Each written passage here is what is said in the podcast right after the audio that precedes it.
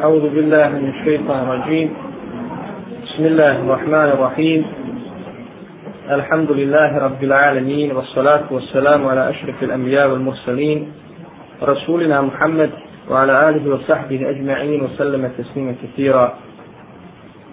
يا أيها الذين آمنوا اتقوا الله حق تقاته ولا تموتن إلا وأنتم مسلمون. Na početku zahvaljujem uzvišenom Allah, gospodaru svjetova i donosim salavat na poslanika Muhammeda sallallahu ta'ala alaihi wasallam. Poštovana draga braćo, na početku ću vas poselamiti islamskim pozdravom. Assalamu alaikum wa rahmatullahi ta'ala wa barakatuh.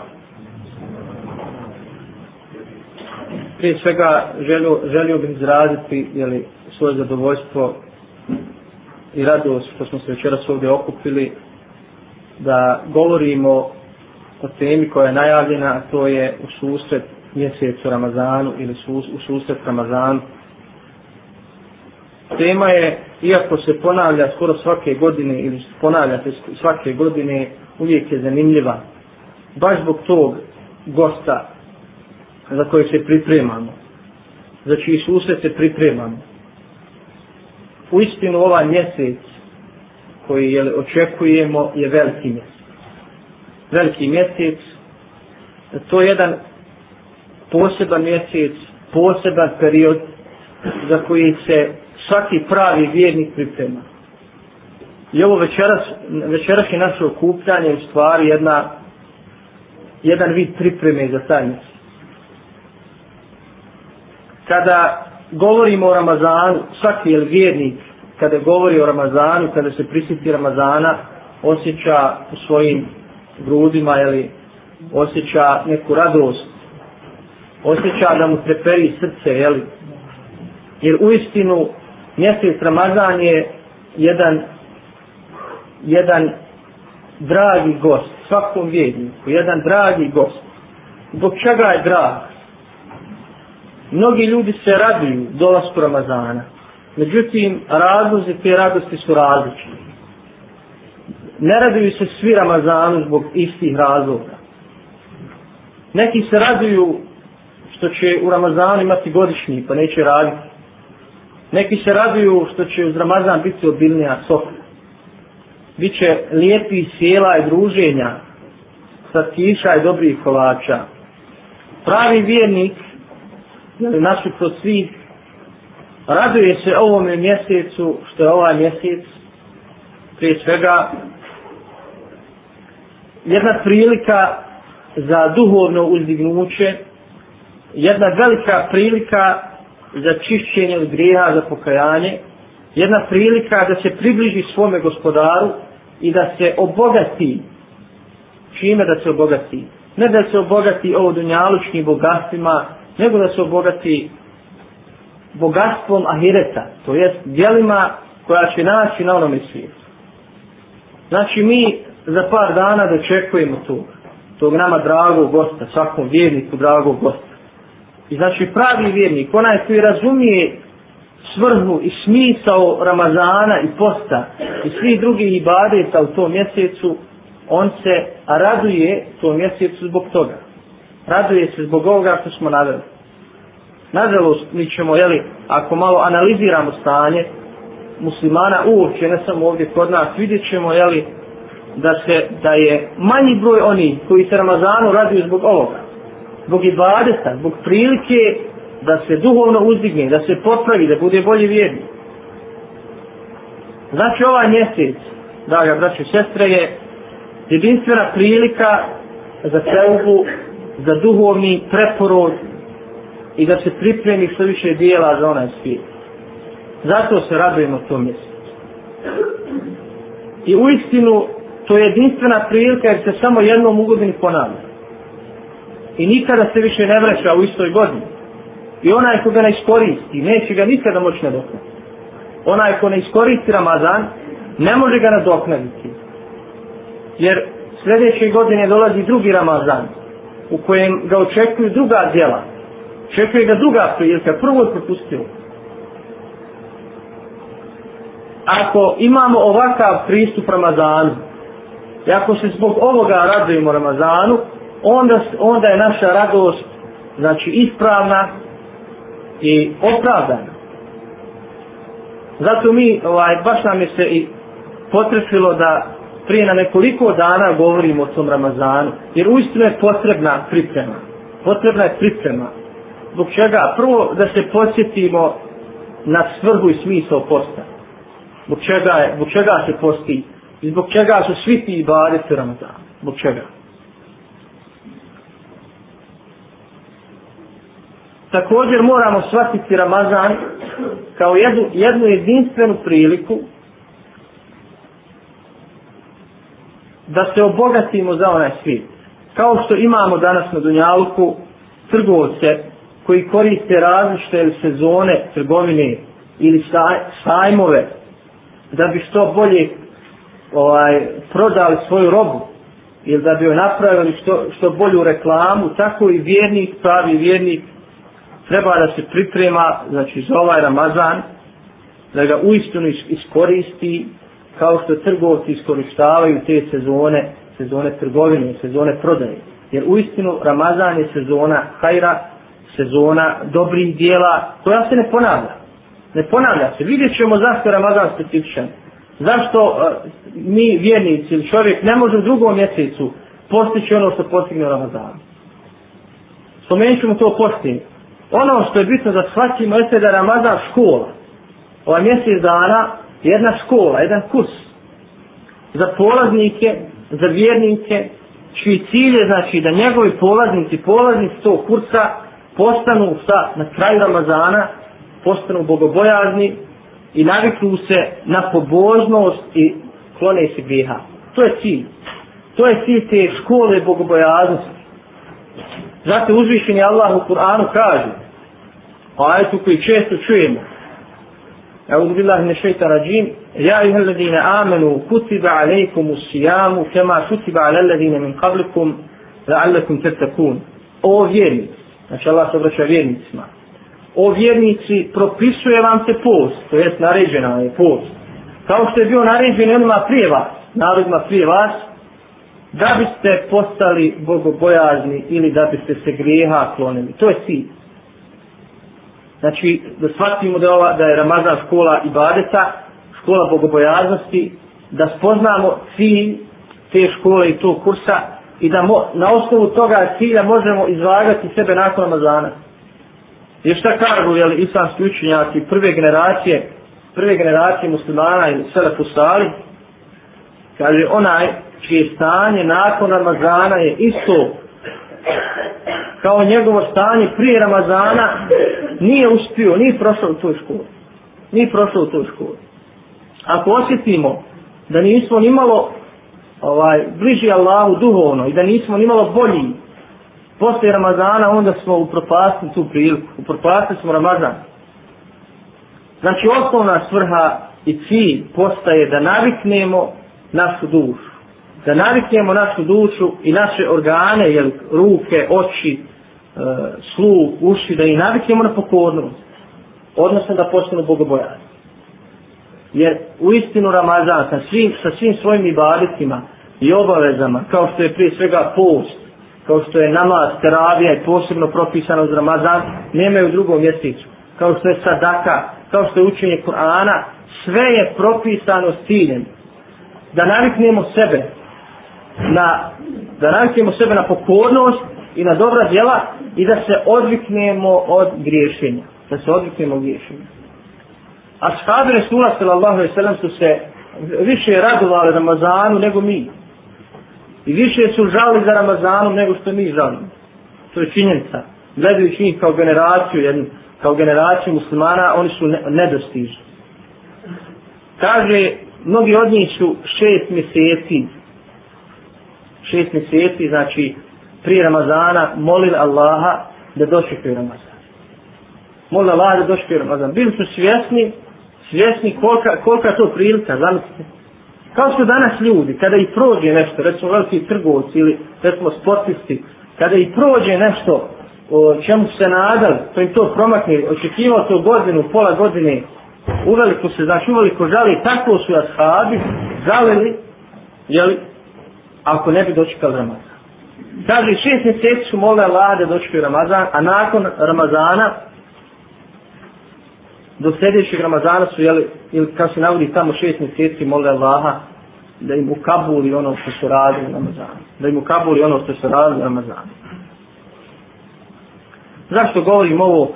Oni su shvatali uh, kratkoću. Oni su shvatili uh, bit ljudskog života. Shvatili su da čovjek svakog trenutka može da napusti ovaj svijet kao što je nedavno jedan nas brat preselio na Hiret mladiću u svojih 30 godina, jeli, uh, e, on je bio predsjednik udruženja studenta Demus u, u Tuzli. Iznenada se razbolio i ubrzo se za sedam dana preselio, preselio na, ovaj, na Hiret i nije dočekao ovaj Ramazan. U ovom mjesecu, draga braće i sestre, propisani, što sam kazao, propisana su neka djela kojih nema drugim mjesecima. Propisano da postimo cijeli mjesec. To je farz i za svakom punoljetnom pametnom muslimanu muslima. Opet znamo cilj od tog posta nije da gladujemo samo. Znači cilj od posta nije da ostavimo hranu i piće, to je najlakše. Cilj je da odgojimo svoju dušu. Zašto je Allah propisao post? Zato što postom, znači, E, borimo se protiv svog, svog, svog nesa, svoje duše, savladavamo je lakše i navikavamo je da bude pokorna uzvišenom Allahu subhanahu wa ta'ala. Zato su neki od ispravnih prethodnika govorili najlakši post je ostaviti hrani piće. Vjerujte da, da, vjerujte da to nije plaho teško. Svi mi znamo da nije, posebno ovim danima jel, ko, koji su kratki i hladni, da nije uopće teško ostaviti hranu i piće. Međutim, šta se traži od nas? Znači, nije, nije osnovni cilj da naviknemo sebe na glad i žeć. Osnovni cilj je da naviknemo svoju dušu na pokornost. Da sputamo svoje strasti. Jer neznanje, to se kaže sam svičanci, neznanje i strasti su glavni razlozi zabude ljudski. Čovjek zbog neznanja griješi, inak ima znanje, onda griješi zbog sljeđenja svoje strasti, udovoljavanja svojim prostorima. Kaže Džabir radijalo ono je rekao, kada postiš, neka posti i tvoj sluh, to je za nesmiša svašta ono što je zabranjeno, i tvoj vid, i tvoj jezik, od harama i od laži. Sve treba da posti. ne uznemiravaj svoga komšiju. I od toga treba da se sustegneš. U danu, kaže, u kojem postiš, budi spokojan i smiren. To je odlika iskrenih i pravih postača, da su spokojni i smir. Ne dozvoljavaju da ih neko uzruja naljuti. Kaže, nemoj dozvoliti da ti dan u kojem postiš bude isti kao i onaj kojim ne postiš. Misli se na ponašanje tvoj odnos prema ljudima, na, znači, na na tvoj moral, jer ako si isti u onom danu u kojem postiš, ako ti taj dan isti kao i onaj u kojem, u kojem ne postiš, onda, onda nisi postigao, nisi postigao ono što se traži od tebe. U ovom prvom dijelu, znači, bitno je shvatiti, draga braćo, da zašto je uzvišen Allah propisao post i zašto mu se trebamo radovati. Jer radujemo se Ramazanu zbog ovoga što smo spomenuli. I ako ispunimo ovo, ako ostvarimo Ramazanu ono zbog čega je Ramazan propisan, onda se možemo radovati Bajram. Onda se možemo radovati Bajram. Jer zašto je uzvišeni Allah dao iza Ramazana Bajram kao uh, naš praznik E, za radost i veselje, baš zbog toga da se u tom danu i u tim danima vjernici raduju onome što su učinili u mjesecu Ramazana. Onome što su postigli u mjesecu Ramazana. Kao što se čovjek raduje nekom svom dijelu, izgrađene kući ili nekom projektu, nakon toga napravi prostor ili veselje, tako i mi na Bajram se veselimo i radujemo zbog toga što smo ispostili Ramazan, što smo se duhovno uzdigli, što smo se očistili od grijeha i što smo bolji nakon Ramazana. Napomenuo sam da Ramazan ima posebnu vrijednost. Navešu hadis kojem poslanik Ali Salatu nam kaže svako čovjekovo dijelo se nagrađuje od 10 do 700 puta. Allah je toliko ili nagradi. Osim posta, osim posta, jer uzvišeni kaže, post je moj, odnosno post pripada meni i ja za njega nagrađujem. Znači ne, neograničena ne, znači neograničena nagrada od Allaha za post. Kaže uzvišeni Allah u hadis kuciju, kaže on je sebi, to je čovjek je sebi uskratio i prohtjeve i hranu i vodu radi mene. Pa kaže postač ima dvije radosti. Radost kada se istari i radost kada se susretne sa svojim gospodarom. Kaže zadah iz usta postača je Allahu ljepši od mirisa miska. Hadis bliži Buharija. U ovom hadisu koji sam navao imamo e, nekoliko jeli, bitnih momenata, nekoliko koristi. Prva je da uzvišeni Allah za post nagrađuje e, neograničeno. Znači svako dobro djelo. Svako dobro djelo uzvišeni Allah nagrađuje za to djelo od 10 do 700 puta osim za post jer kaže post pripada men. Zašto pripada Allah? Zašto uzvišen Allah kaže za post da pripada njemu? Zato što čovjek kada posti niko ne zna da li on svi ili gladan. To je da li posti ili ne posti. Znači može da sakti to djelo. Znači to je djelo u kojem nema ni malo pretvaranja, ni malo Jer čovjek može da se pretvara pred ljudima da posti, međutim može tamo Svaki su sobu i najde se. Samo Allah zna posti ili ne. A zato je taj, e, to djelo kojem nema ni malo licemijestva, zato Allah za njega neograničeno nagrađuje. Za razliku od ovih drugih djela kaže dalje uzvišen Allah post, e, postać ima dvije radosti. Radost kada se iftari, radost kada se susretne sa svojim gospodarom. Mi kada postimo, draga braću, uskraćujemo sebi ono što nam je inače dozvoljeno. Stračujemo sebi hranu, piće i sva, sva druga uživanja koja su nam dozvoljena mimo Ramazana. I onda kada se istalimo, kada dođe vakat iftara, kada dođe vakat iftara, mi se radujemo mi se radujemo zbog toga što smo ispostili taj dan i zbog toga što nam je postalo dozvoljeno ono što je naša navika, svakodnevna navika, da se najdemo i napijemo. Uistinu je to radost, međutim ta radost je manje bitna od one radosti koju će postać imati na onome svijetu. Zbog čega? Zato na onome svijetu kada e, dođe na polaganje računa, pa kad se budu ovaj, e, vraćali tuđi hakovi, ono što smo drugome ono, na, nažal učinili, ostaće nam post kao jedina nada znači nas on izvući. Zašto? Jer od namaza se zna, toliko smo klanjali, toliko, tolika je nagrada, od, od 10 do 7 stotina puta. Međutim, post, Allah ostavlja zadnji. I ako nam bude trebalo dobrih dijela da se očistimo od grijeha, Allah nam može dati jeli, neograničenu nagradu za naš post. Znači može nam dati tih dobrih dijela koliko on bude želio. Da nas to izvuče na smijenju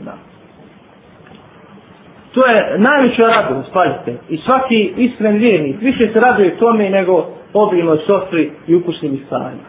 Malo se ko jel, ovaj, raduje e, tim ukusnim stvarima i ovaj lijepom društvu više nego što se raduje uh, onome što će naći na sudnjem danu. Jer to je za nas najbitnije za vjernike. Zato uzvišeni kaže وَمَا تُقَدِّمُ لِيَنْفُسِكُمْ مِنْ خَيْرٍ تَجِدُوهُ عِنْدَ اللَّهِ Ono što uradite za sebe od dobra ili što priložite sebi na svoj račun dobra, naćete to na sudnjem danu. Svako dobro. Pa makar polovina udjeljene hurme, sve ćemo naći na sudnjem danu, kao što ćemo naći naša loša djela koja nam ne budu oproštena ili od kojih se ne budemo očistili post kao posebna vrsta ibadeta u mjesecu Ramazanu i kao jedan vid odricanja. I bez, bez obzira koliko ovaj post izgledao lagan, koliko ovaj ostajanje hrane i pića izgledalo lagano, ipak on ipak je to jedan vid odricanja. Zahtjeva malo odricanja, zahtjeva malo ovaj žrtvi. Jer pa ima ljudi koji ne postoje. Zbog čega? Zbog slabosti svoje vjere ili zbog toga što nema nikako vjere ne posti. Nažalost, takvi danas mnogo. I nažalost, e, mi gledajući svoje društvo, vidimo da je da je veći broj onih koji se ne raduju Ramazanu, Koji uopće ne, Ramazane dočekuju kao svog dragog gosta. Na često sam zaboravio spomenuti zašto zašto kažemo Ramazan je naš dragi gost i njemu se radujemo. Zbog toga što se ljudi raduju u svome gostu, uglavnom recimo svoje rodbine, majci, ocu, svom mužu, raduju se kada dolazi sa nekog putovanja, nakon dugog, jeli, ovaj, rastanka, raduju se jer donesi korist. Donosi im korist. Zato se vjernici raduju Ramazanu, što Ramazan donosi korist. Jer da je Ramazan koji ostali, da je Ramazan mjesec, samo mjesec a, druženja i lijepih gozbi i mjesec ilahe i kasida, malo kod se radovao ono, o, ovom radeću kojom se mi radimo. To je mjesec prije svega ibadeta, mjesec kao smo rekli čišćenja, duhovnog čišćenja, uzdizanja i zbog toga se najviše raditi. Ovdje je, kao što sam kazao, bitno, znači, ne samo da ostavimo uh, hranu i piće, nego je bitno, što je također svrha posta, da ostavimo sve svoje grijehe prije svega, da čuvamo svoj jezik, da čuvamo svoje oči, da čuvamo svoje uši i da čuvamo svoj stomak od harama. To je znači također jedna svrha i cilj posta. Zato kaže poslanik Ali Salatu Veselam u hadisi kuci, u hadisi kuci znači to su Allahove riječi koje u značenju prenosi poslanik Ali Kaže ko ne ostavi lažan govor, ko ne ostavi laž i postupanje po njemu, kaže Allah nema potrebe da takav čovjek ostavlja i hranu i piće. Znači onaj ko ne ostavi, ko ne čuva jezik, i ko uh, radi ono što je zabranjeno u Ramazanu, on nema potrebe, znači Allah nema potrebe za, za takvim postom. Od takvog groba.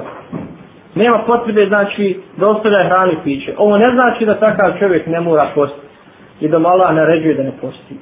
Nego takav od svoga posta neće imati osim glad i žeć. Zato kaže sam slučenjak, postoji nekoliko, kaže, kategorija postača. Nekoliko kategorija postača. Prva kategorija su oni koji ostavljaju svoju hranu i piće i svoje prohtjeve, druge prohtjeve, radi Allaha. Zbog čega? Nadajući se da će im Allah to nadoknati na sudnjim Takvih je većina. To su trgovci sa Allahom. I to su znači takav vid trgovine pohvala. Onaj ko trguje sa Allahom, Allah ga neće zemlje. Kad je druga kategorija su oni koji na dunjalku poste od svega osim od spominjanja Allaha. Od, eh, znači, čuvaju svoj, svoj jezik, svoj sluh, svoj vid, svoj stomak. I kaže, samo razmišljaju o ahiretu. Ostavljaju ukrase i čari ovoga dunjalka. Kaže, za ovakve je Bajram, kada susretnu svoga gospodara i kada ga ugledaju. Za njih će biti to najveća radost, najveći Bajram to je veći stepen, veći stepen postača. Ovi postači na višem stepen od ovih prvi. Ima treća kategorija ljudeni ljudi koji znači poste ostavljaju svoju hranu piće i sve ono što kvari post, međutim od tog posta nemaju ništa osim glad, žeđ i neprespavane noći. Neprespavane noći. I takvi su uistinu gubitni. Takvi su uistinu gubitni pored posta, draga braćo, koji je osnovna osnova i badeta u mjesecu Ramazanu, osnova i badeta, propisana je, propisan je namaz, propisana, propisana je teravija, propisan je noćni namaz, kao također jedan od temelja, temelja Islama i, i jedan, jedan od e, metoda odboja i svišćenja duše. Da padamo Allahu na seždu, da mu se klanjamo, i da navikavamo svoju, znači, da navikavamo svoju dušu i sebe na namaz. Jer namaz je stup vjeri. Namaz je bitni od posta. I ovo je također prilika u Ramazanu za one koji e, uh, neredovno klanjaju ili čak za one koji, koji ne klanjaju nikako ili mimo Ramazana da naviknu svoju dušu, da naviknu sebe da pobjede šeitana, da poslije Ramazana budu bolji i da redovno klanjaju. Jer namaz, e, ovaj, namaz je stup vjeri mi govorimo o ovome zbog toga što e, kod nas uglavnom e, ima ljudi, jeli, mnoštve oni koji iz Ramazan, samo klanjaju iz Ramazan, ili poste iz Ramazana ne klanjaju, to sve je absurdne stvari. To je absurdne stvari. To isto da čovjek pravi prvo krov, a nije ni udario temelje kući, niti je ovaj, iz u zidu. Znači mora se shvatati vjera. Rekli smo da, je, da su dva najveća razloga zabude neznanje vjere nesvatanje suštine vjere i sliđenje strasti. Prvo što moramo ukloniti, ukloniti jeli, jeste to neznanje koje nas ne prije. Upoznati vjeru i na kraju jeli, ovaj, pobijeti svoj strasti. Kad je u pitanju teravija, mi znamo da je propisano da se, da se klanja od osam rekata pa, pa do 20 čak više kao što je bila praksa nekih ashaba mjesec Ramazanu. Teravija se klanja u džamijama. E, također e, svrha i cilj teravije kao i svrha posta. Da svoju dušu da se naviknemo na ibadet jer mi osjećamo jel tako kada klanjamo teraviju naviknemo se da klanjamo 8, 20 ili više rekata noćnog namaza kada prođe Ramazan nekako nam malo izgleda klanjati desetak rekata, desetak rekata ovaj, jasin. Izgleda malo, lako nam. Zašto? Zato što smo sebe, svoj dušu i svoje organe naviknuli na ibadet. Čovjek je, čovjek je Allaho stvorenje koje je stvoreno da se navikava i odvikava. Da se navikava na dobro, a odvikava od, da se odvikava od, od zla. Ono što je bitno jeste da ja preporučujem svima da klanjamo sa imamom do kraja ne klanjamo se imamom do kraja. Ne kaže poslanik alaihi salatu wasalam, onaj ko klanja, ko provede noć, klanjajući teraviju, znači za imamom do kraja, kao da je klanjao cijelu noć. U stvari, ko klanja za imamom do kraja, kao da je klanjao cijelu noć.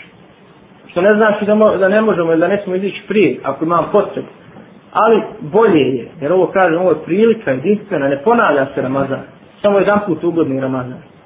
Da ako možemo, ostavimo do kraja sa imamu, kada završi teravi, pa da onda napustimo. Jel?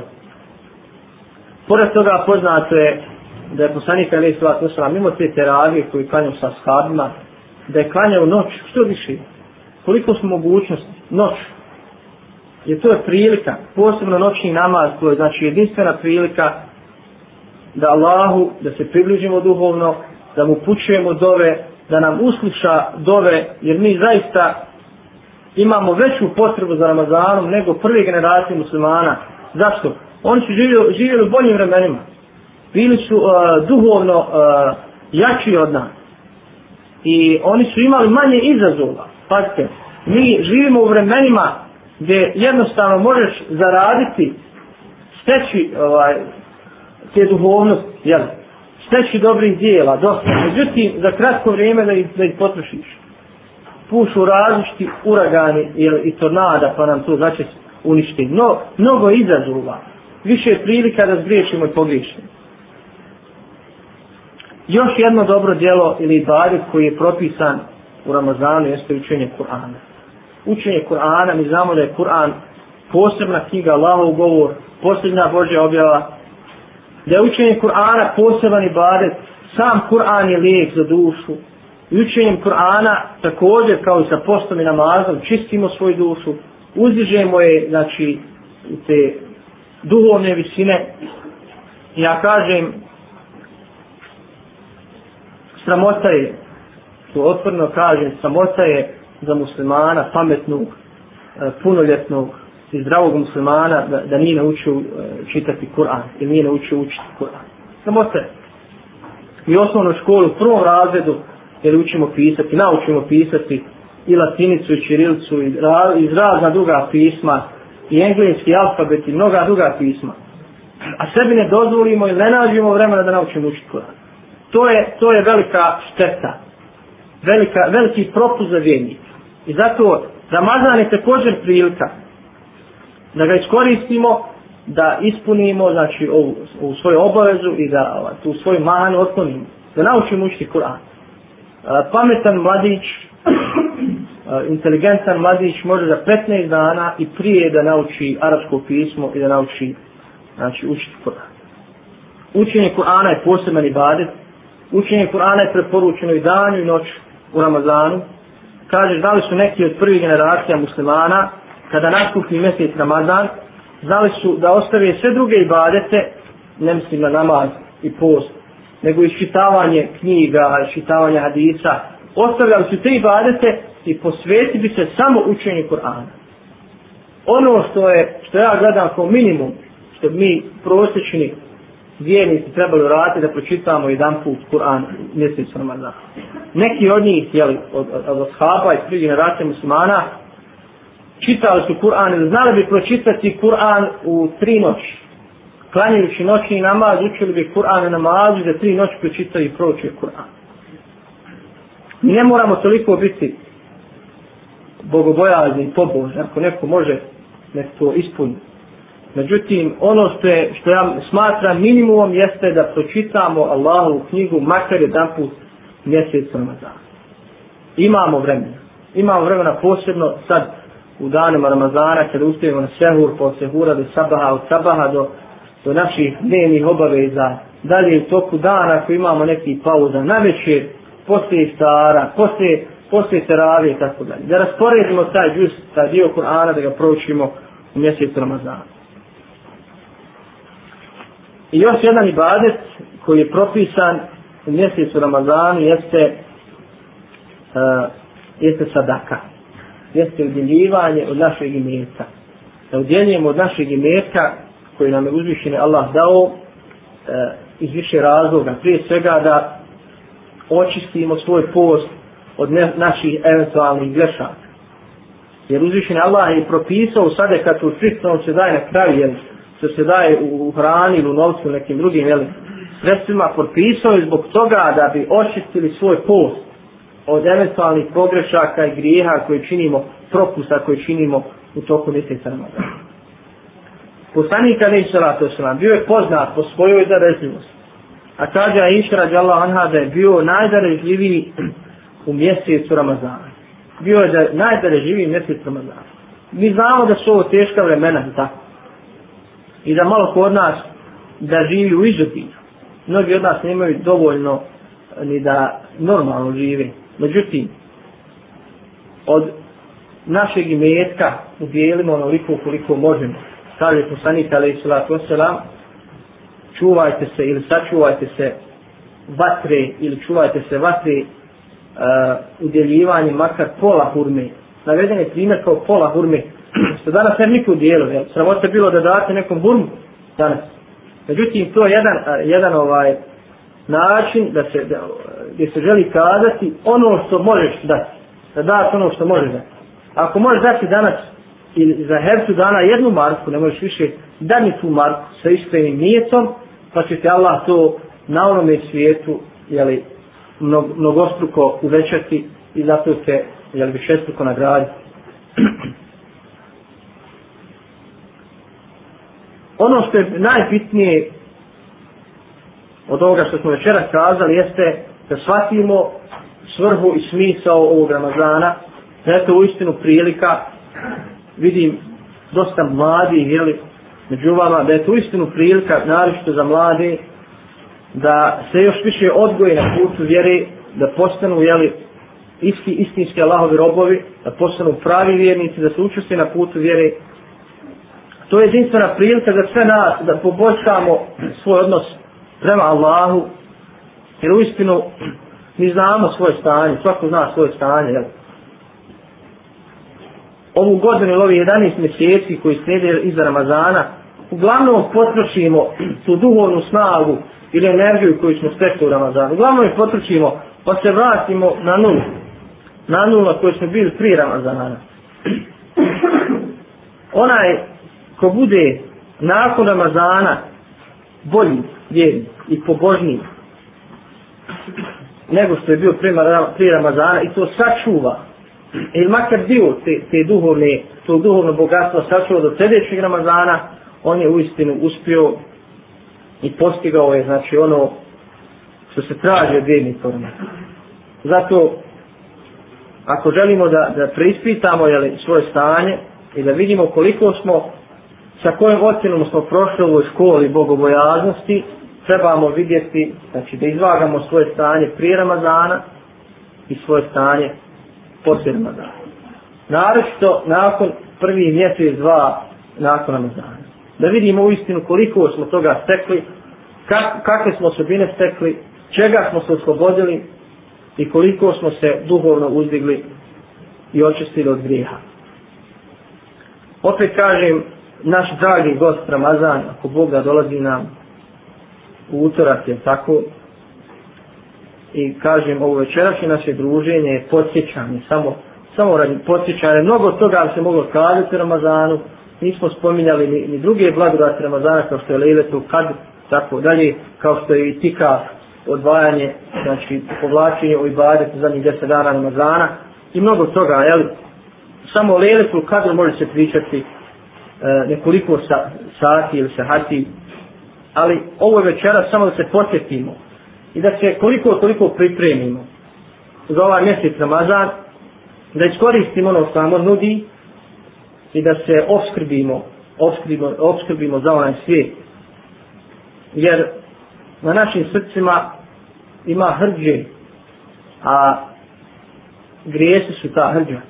Pa trebamo malo i ove dane iskoristiti, ako nismo do sada iskoristili mjesec,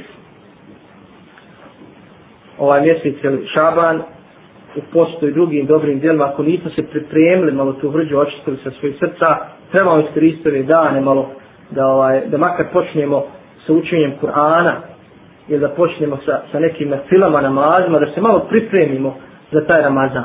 Kao što sportisti, jeli, tako fenane, kao što sportisti se pripremaju za sport, jeli, ovaj, za neka takmičenja, tako i mi trebamo da se pripremimo za ovo takmičenje u Ramazanu, jer to je uistinu jedno takmičenje, jedno veliko takmičenje među vjernicima, jedan veliki maraton, jedna utrka, da se pripremimo za to, jer ako se budemo pripremali u Ramazanu, izgubit ćemo jednu hercu ili deset dana u pripremama. I tek dođemo u kondiciju, u formu tamo, negdje u drugoj trećini na polovini Ramazana i mi se baš ono, jel, hodali, osjetili slast i badeta, kad već Bajram dolazi. I ono što, što još želim napomenuti jeste, ne dozvolimo šeitanu. Ne dozvolimo šeitanu koji nas svakodnevno zavarava, E, ne dozvolimo da nam prođe Ramazan u, u, onaj, u nekim e, neznatnim ibadetima. Jer pazite, ima ljudi, i žalostno je, oni koji znaju ispit Kur'ana, da im Ramazan prođe ne, ne pročitaju pola Kur'ana, ili jednu trećinu Kur'ana. To je žalostno. To je propaštena jedinstvena prilika. Znači ne dozvolimo da nam šetan kaže, pa dobro tek je počeo Ramazan, lagano si zaživi, jeli, lagano si navikao, aj, odmah, stvar, trebali smo dosad, tri Ramazana da se već, da steknemo jedan nivo te, te duhovne kondicije, već da nam, da prvu teraviju doživimo lako, da klanjamo lako te, jeli, te rekiate, ne, uglavnom mi doživljamo teravije, prvi par teravija teškim, dugo, ovaj, dugo se klanja i tako da. Ne dozvolimo jer Ramazan će proći kao, kao, jeli, kao jedna sedmica, kao jedna sedmica. I mnogi ljudi danas govori da u istinu, ne samo Ramazan, i drugi dan, i drugi mjeseci, da prolazi ovaj, veoma brzo, jednostavno da ne osjećamo uh, kako nam je prošla hefta. Prođe nam herca kao dva dana. Prođe nam, uh, prođe nam 15 dana kao, kao 5 dana. Prođe nam mjesec kao, kao 10 dana. Da ne dozvolimo na kraju da kažemo, jeli, ovaj, upropasti smo i potrošili smo i ovaj Ramazan, a nismo ga iskoristili onako kako treba. Neki od Selefa su govorili, znači, e, zadnji dan Ramazana, kada bi, kada bi znači bio oglašen Bajram, početak Bajrama, govorili su gdje su oni koji su uspjeli da im čestitamo. A kaže, a gdje su oni koji su propastili Ramazan da im saučešće iskažu. Kao da, je, da mu neko umru, ja da im saučešće uputimo. I uistinu je tako. Uistinu je tako za one koji, koji shvataju ovaj, suštinu vjere i shvataju Ramazan i shvataju uopće suštinu života na dunjavu. A druga strana priče su oni koji uopće ne znaju za Ramazan. Što kaže jedan, jedne prilike, jedan ovdje, Fendija, Đulane Efendija jedne prilike, uz Ramazan držeći hudbu, kaže za neke ovo Ramazan, a za neke novembar.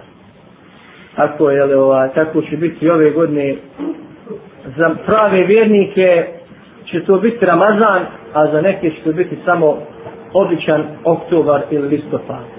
Molim uzvišenog Allah subhanahu wa ta'ala da nas uputi na pravi put da nas učini iskreni vjernicima da nam da dovoljno snage i razboritosti i, i svijesti da uistinu iskoristimo taj Ramazan i da se okutimo bogobojaznošću da se oštimo od grijeha i da budemo bolji vjernici, bolji vjernici nakon Ramazana.